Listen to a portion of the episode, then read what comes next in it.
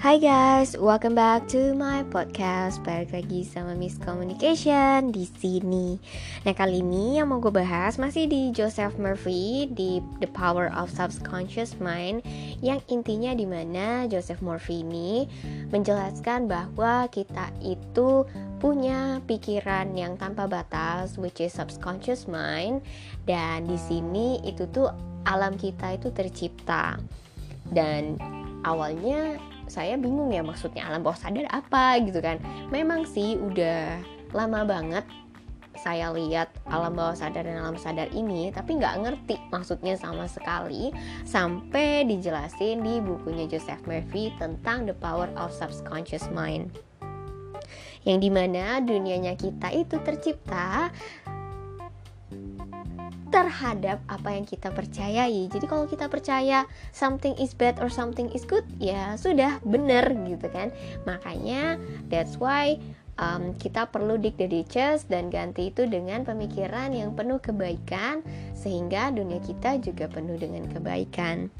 Dan di chapter kali ini menunjukkan the power of subconscious mind, kekuatan subconscious mind terhadap masalah pernikahan atau masalah hubungan dengan pasangan. Yang di mana masalah hubungan antara suami dan istri itu tuh bisa diselesaikan dengan bersama-sama, bekerja sama, dan berdoa bersama. Persamaan kecocokan dan juga tujuan, rencana, serta kesenangan dan kebebasan pribadi yang membawa kepada keharmonisan pernikahan dan intinya adalah persatuan. Dua-duanya cocok nih, dua-duanya sama-sama cocok, dua-duanya sama-sama sejalan, punya tujuan, punya rencana, dan juga punya something yang bisa dibilang kebebasan di mana kebebasan ini tercipta ketika kedua belah pihak ini sama-sama saling percaya bahwa baik pria ataupun wanita tidak selingkuh, tidak aneh aneh-aneh di belakang. Mereka tahu apa yang mereka kerjakan masing-masing dan memberikan kebebasan kepada mereka untuk mengerjakan itu tanpa rasa curiga dan khawatir. Karena rasa curiga dan khawatir ini semua dimulai dari subconscious mind atau alam bawah sadar. Cuman jangan salah kaprah juga, subconscious mind ini perlu yang namanya fakta. Fakta-fakta yang di mana itu disediakan untuk kedua belah pihak dan tidak ada yang disembunyikan. Which means memang tidak semuanya 100% keluar gitu kan, enggak, tapi setidaknya kepercayaan itu benar-benar dipegang. Dan Selain tujuan dan rencana, pernikahan juga perlu didasarkan dengan hati, yang di mana hati ini adalah kejujuran, ketulusan, kebaikan, integritas, karena itu semua adalah bentuk dari cinta. Tidak Nah, jadi kalau misalnya nih ada pasangan yang menikah karena alasan tertentu, which is mungkin karena uang atau posisi sosial atau menutupi sesuatu, atau hanya untuk menaikkan egonya aja gitu kan. Ini tuh ada indikasi kalau misalnya kekurangan rasa tulus hati, jujur, bahkan cinta sejati. Karena perempuan itu tidak bisa bergantung pada suaminya untuk kesehatan, kedamaian, kebahagiaan, inspirasi, tuntunan, cinta, kekayaan, security atau keamanan, kebahagiaan atau apa pun yang ada di dunia ini. Jadi baik suami ke istri ataupun istri ke suami itu tuh tidak bisa mengandalkan satu orang untuk segala macam kebutuhan atau emosi. Seperti yang John Gray bilang, pasangan itu ada hanya sepersepuluh dari kehidupannya kita. Dalam artian ketika kita bahagia kita datang ke pasangannya kita.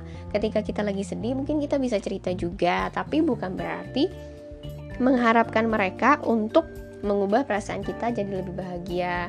Mungkin bisa tapi jangan pernah mengharapkan 100% karena terkadang orang lain itu tidak sepenuhnya dalam keadaan fit untuk mendengarkan atau uh, keadaan baik untuk memberikan masukan atau penghiburan. Dan juga perempuan itu atau istri itu baik istri ataupun suami semuanya kembali ke dalam perasaan batin. Kedamaian batin. Terutama untuk perempuan.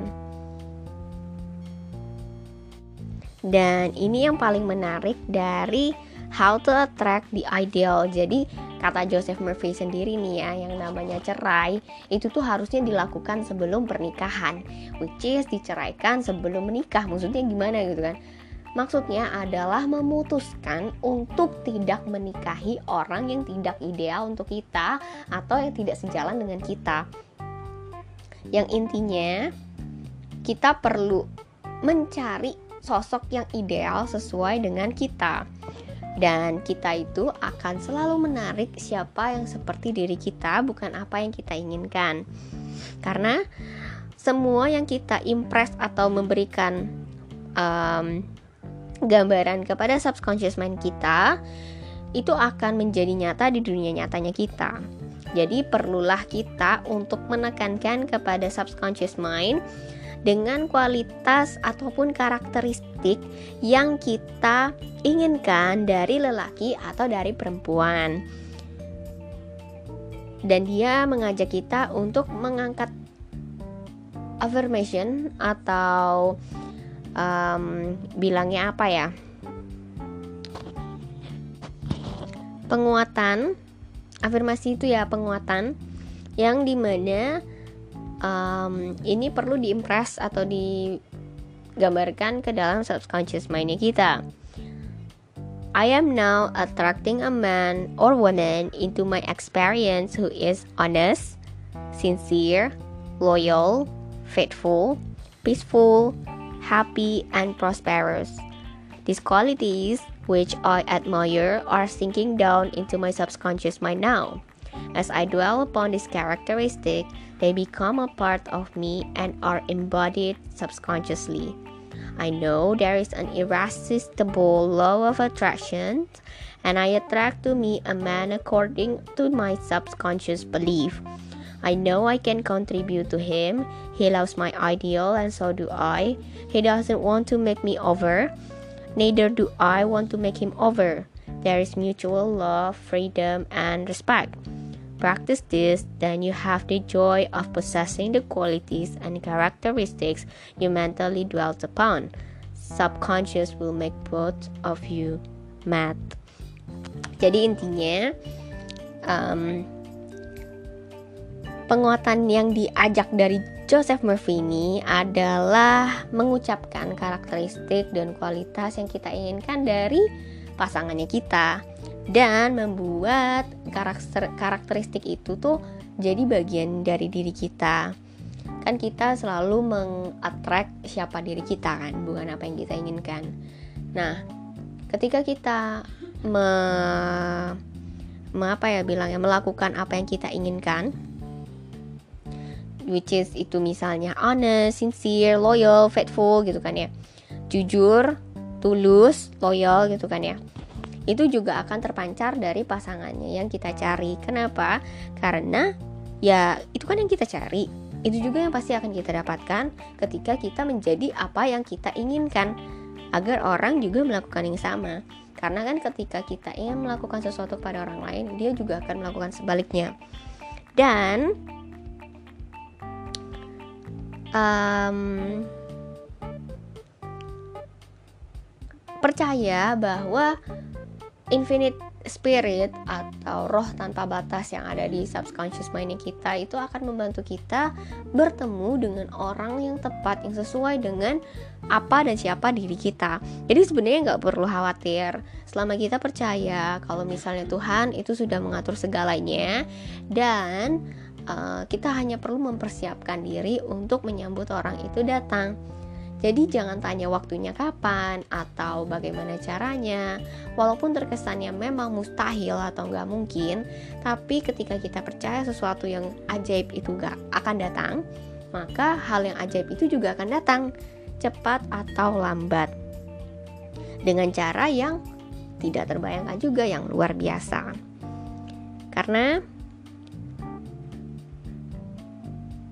ketika kita percaya dan kita bersiap-siap, maka itu akan datang cepat atau lambat.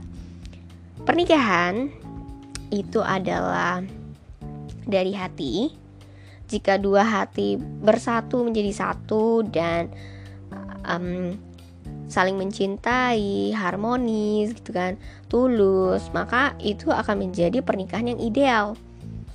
Karena didasarkan pada hati yang mencintai.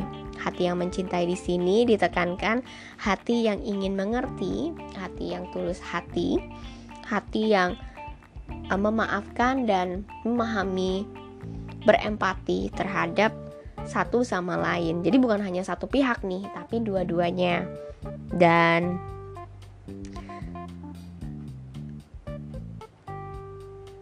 kalau untuk perempuan jangan pernah selalu nagging gitu kan, ngerengek.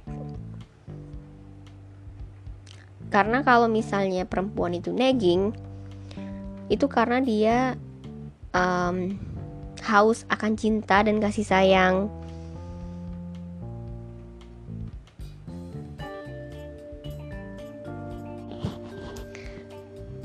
dan ketika perempuan ini uh, merengek, nagging gitu kan dan ketika perempuan ngoceh terus ngerengek gitu kan ya yang perlu diberikan oleh pria kepada perempuannya itu perhatian, apresiasi, pujian dan lihat ke poin-poin yang bagus yang pernah dilakukan oleh si perempuannya atau istrinya.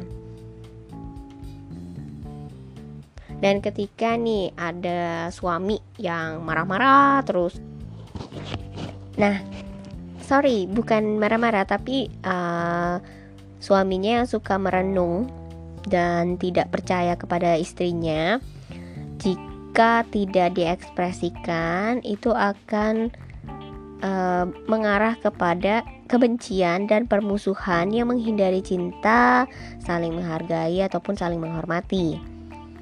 Dan pria yang suka merenung itu kan kepahitan dan benci akhirnya. Dan bisa Nah, suami yang merenung kepahitan dan benci itu bisa nelen nelen omongan yang pedes gitu kan yang tajam terus tahan marah nggak marah jadinya kan. Dan dia itu bisa jadi jauh lebih baik, perhatian, bahkan peduli. Sopan lah ibarat katanya mah. Dia bisa keluar dari peran antagonis. Itu karena dia banyak merenung.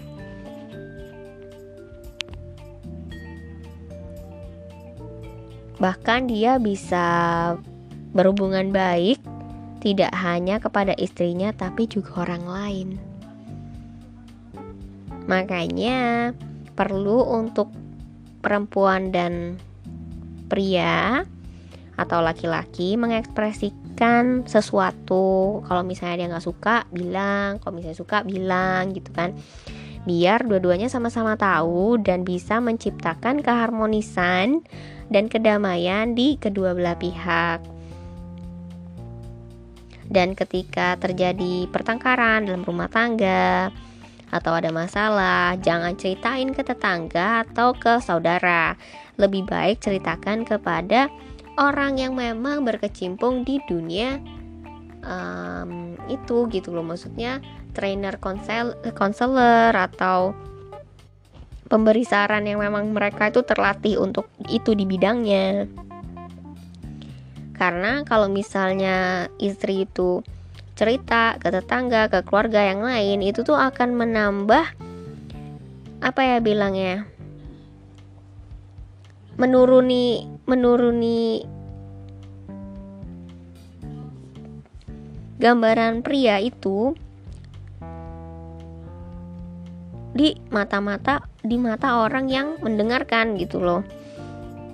dan dia itu tuh membuat kita makin kita sebagai istri nih ya semakin percaya kalau misalnya suami itu bukan suami yang pantas atau suami yang layak buat kita itu karena dia tidak memberikan apa yang kita inginkan. Padahal sebenarnya yang kalau misalnya ada unek-unek lebih bagus ya ngomong sama orangnya atau ya lari ke konselor pemberi saran. Karena mereka kan orang-orang yang terlatih yang mengatasi bukan hanya satu orang itu banyak orang. Terus juga kalau misalnya ada masalah ya kalau kita ceritain ke orang itu itu ya akan lebih baik gitu loh dibanding um, apa ya bilangnya ya ngomong di belakangnya atau ngomong orang lain. Memang sih enak banget kalau kita cerita ke orang itu kan lega gitu kan. Tapi itu hanya sesaat karena ketika kita balik lagi ke rumah gitu kan kita kan akan ketemu orang yang sama. Kenapa enggak diomongin? Makanya kenapa masa-masa pacaran itu penting gitu kan ya dan masa-masa pencarian itu penting? Karena di sini itu dilatih untuk um, nanti ketika membangun rumah tangga bisa nggak nih kalau ada masalah kerjasama? Karena kalau misalnya nggak bisa diajak kerjasama susah mau serumah pun susah gitu kan? Karena ibarat kata pernikahan itu kan seperti men, menga, apa ya mengarungi lautan dengan satu kapal yang sama. Kalau misalnya dua-duanya nggak kerja atau nggak um, komunikasi gitu kan gantian kerja atau gimana eh, susah untuk jalaninnya. Apalagi kalau salah satu nggak mau diajak kerja sama dan cuman bisa minta nuntut ataupun menyalahkan. Waduh capek jalannya. Dan makanya semuanya itu perlu didasarkan dengan satu hal cinta yang di mana cinta ini akan ada ketika sama-sama jujur tulus setia beriman gitu kan punya kepercayaan yang kuat lah. Kalau misalnya istrinya begini atau istrinya begitu gitu kan. Terus damai bahagia dan juga sama-sama makmur untuk keduanya. Karena kan dua-duanya saling menghargai kan. Saling menghargai saling respect. Dan seperti yang kita pikirkan maka itu yang akan terjadi gitu kan ya. Seperti yang kita rasakan maka itu juga yang akan terjadi. Jadi berhati-hatilah ketika kita punya komplain nih tentang pasangan. Lebih baik yang ngomong langsung. Dan biasanya nih orang-orang yang di luar dari konselor itu akan memberikan saran yang kurang tepat lah. Atau bahkan bias yang di mana itu kan hanya uh, pandangan subjektif aja dan yang namanya penyesuaian itu dibutuhkan di dalam pernikahan.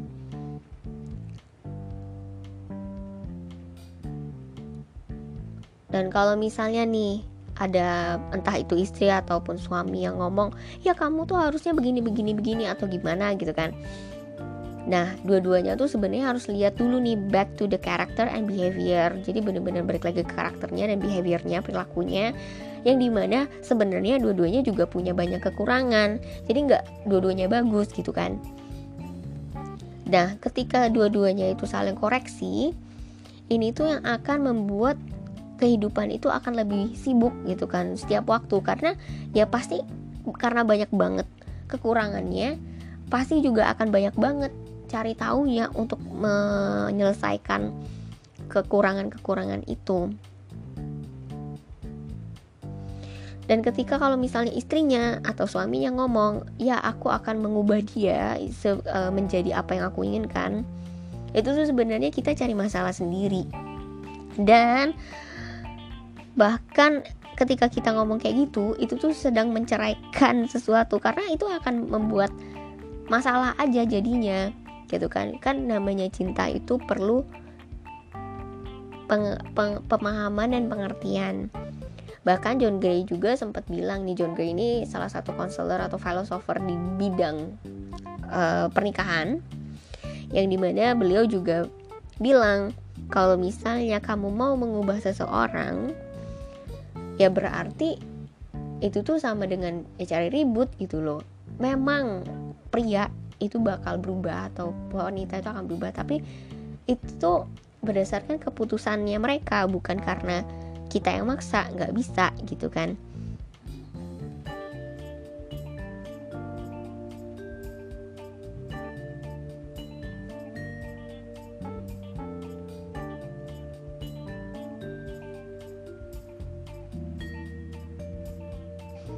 Gak ada yang bisa berubah kecuali kita mengubah diri sendiri. Dan jangan pernah mengakumulasikan kekesalan-kekesalan atau iritasi yang timbul gitu kan ya dari um, kekecewaan kecil. Jadi kekecewaan kecil itu numpuk, numpuk, numpuk, pendem, pendem, pendem, pendem gitu kan ya. Karena itu bakal yang bakal namanya jadi bakal jadi penyakit dan itu juga yang akan membuat subconscious mind kita berpikir bahwa ya hal itu jadi negatif negatif semua. Karena kan yang dipendem negatif kan little little little little make it bigger kan. Jadi kecil kecil kecil lama-lama jadi bukit. Uh, dan yakinkan kepada diri kita untuk memaafkan atau mengampuni apa pun yang tajam-tajam lah yang melukai hati kita sebelum tidur karena ketika kita tidur kita mengampuni orang lain eh, momen ketika kita bangun itu tuh kita tuh bisa minta tuntunan dari infinite intelligence atau yang kita bisa bilang itu spiritual atau yang kita bisa bilang roh Allah gitu kan ya. Untuk mengirimkan cinta kepada pasangan terus juga kepada keluarga dan bahkan kepada dunia kita juga perlu untuk memberikan rasa terima kasih kepada makanan yang kita dapat, kekayaan yang kita dapat, berkat-berkat yang kita dapat, dan buat yakin tidak ada yang namanya masalah ataupun kekhawatiran ataupun argumentasi yang akan masuk ke meja makan atau meja conversation atau meja percakapan jadi semua yang di generate itu adalah kasih bicarakan kepada pasangan juga apa yang mereka apresiasikan atau mereka hargai bahwa keduanya sama-sama meradiasikan cinta keinginan yang baik untuk satu sama lain. Daripada kebencian, kedengkian, kutukan, bahkan ngoceh gitu atau nagging rengek gitu kan ya. Karena yang namanya apresiasi dan keinginan baik itu tuh adalah salah satu bentuk cinta. Cinta yang ini tuh ada yang namanya beauty, kecantikan, keindahan, harmonis gitu kan. Mutual respect sama-sama saling menghargai ke percayaan pada Tuhan dan semuanya itu baik. Dan yang ditekankan dari chapter ini adalah kita perlu tinggal di dalam subconscious mind kita kualitas dan karakteristik apa yang kita inginkan dari pasangan dan kita menjadi seperti itu dulu karena kalau misalnya kita cuma meminta tapi kita tidak mempersiapkan kan rasanya ya nggak adil ya atau ibarat kata nggak ada harga yang dibayarkan gitu. Intinya tidak ada makanan gratis di dunia ini semuanya itu harus ada harganya. Jadi ketika kita menginginkan sesuatu entah itu pasangan yang baik atau pasangan yang uh, menghargai kita juga perlu dulu bayar di muka seperti itu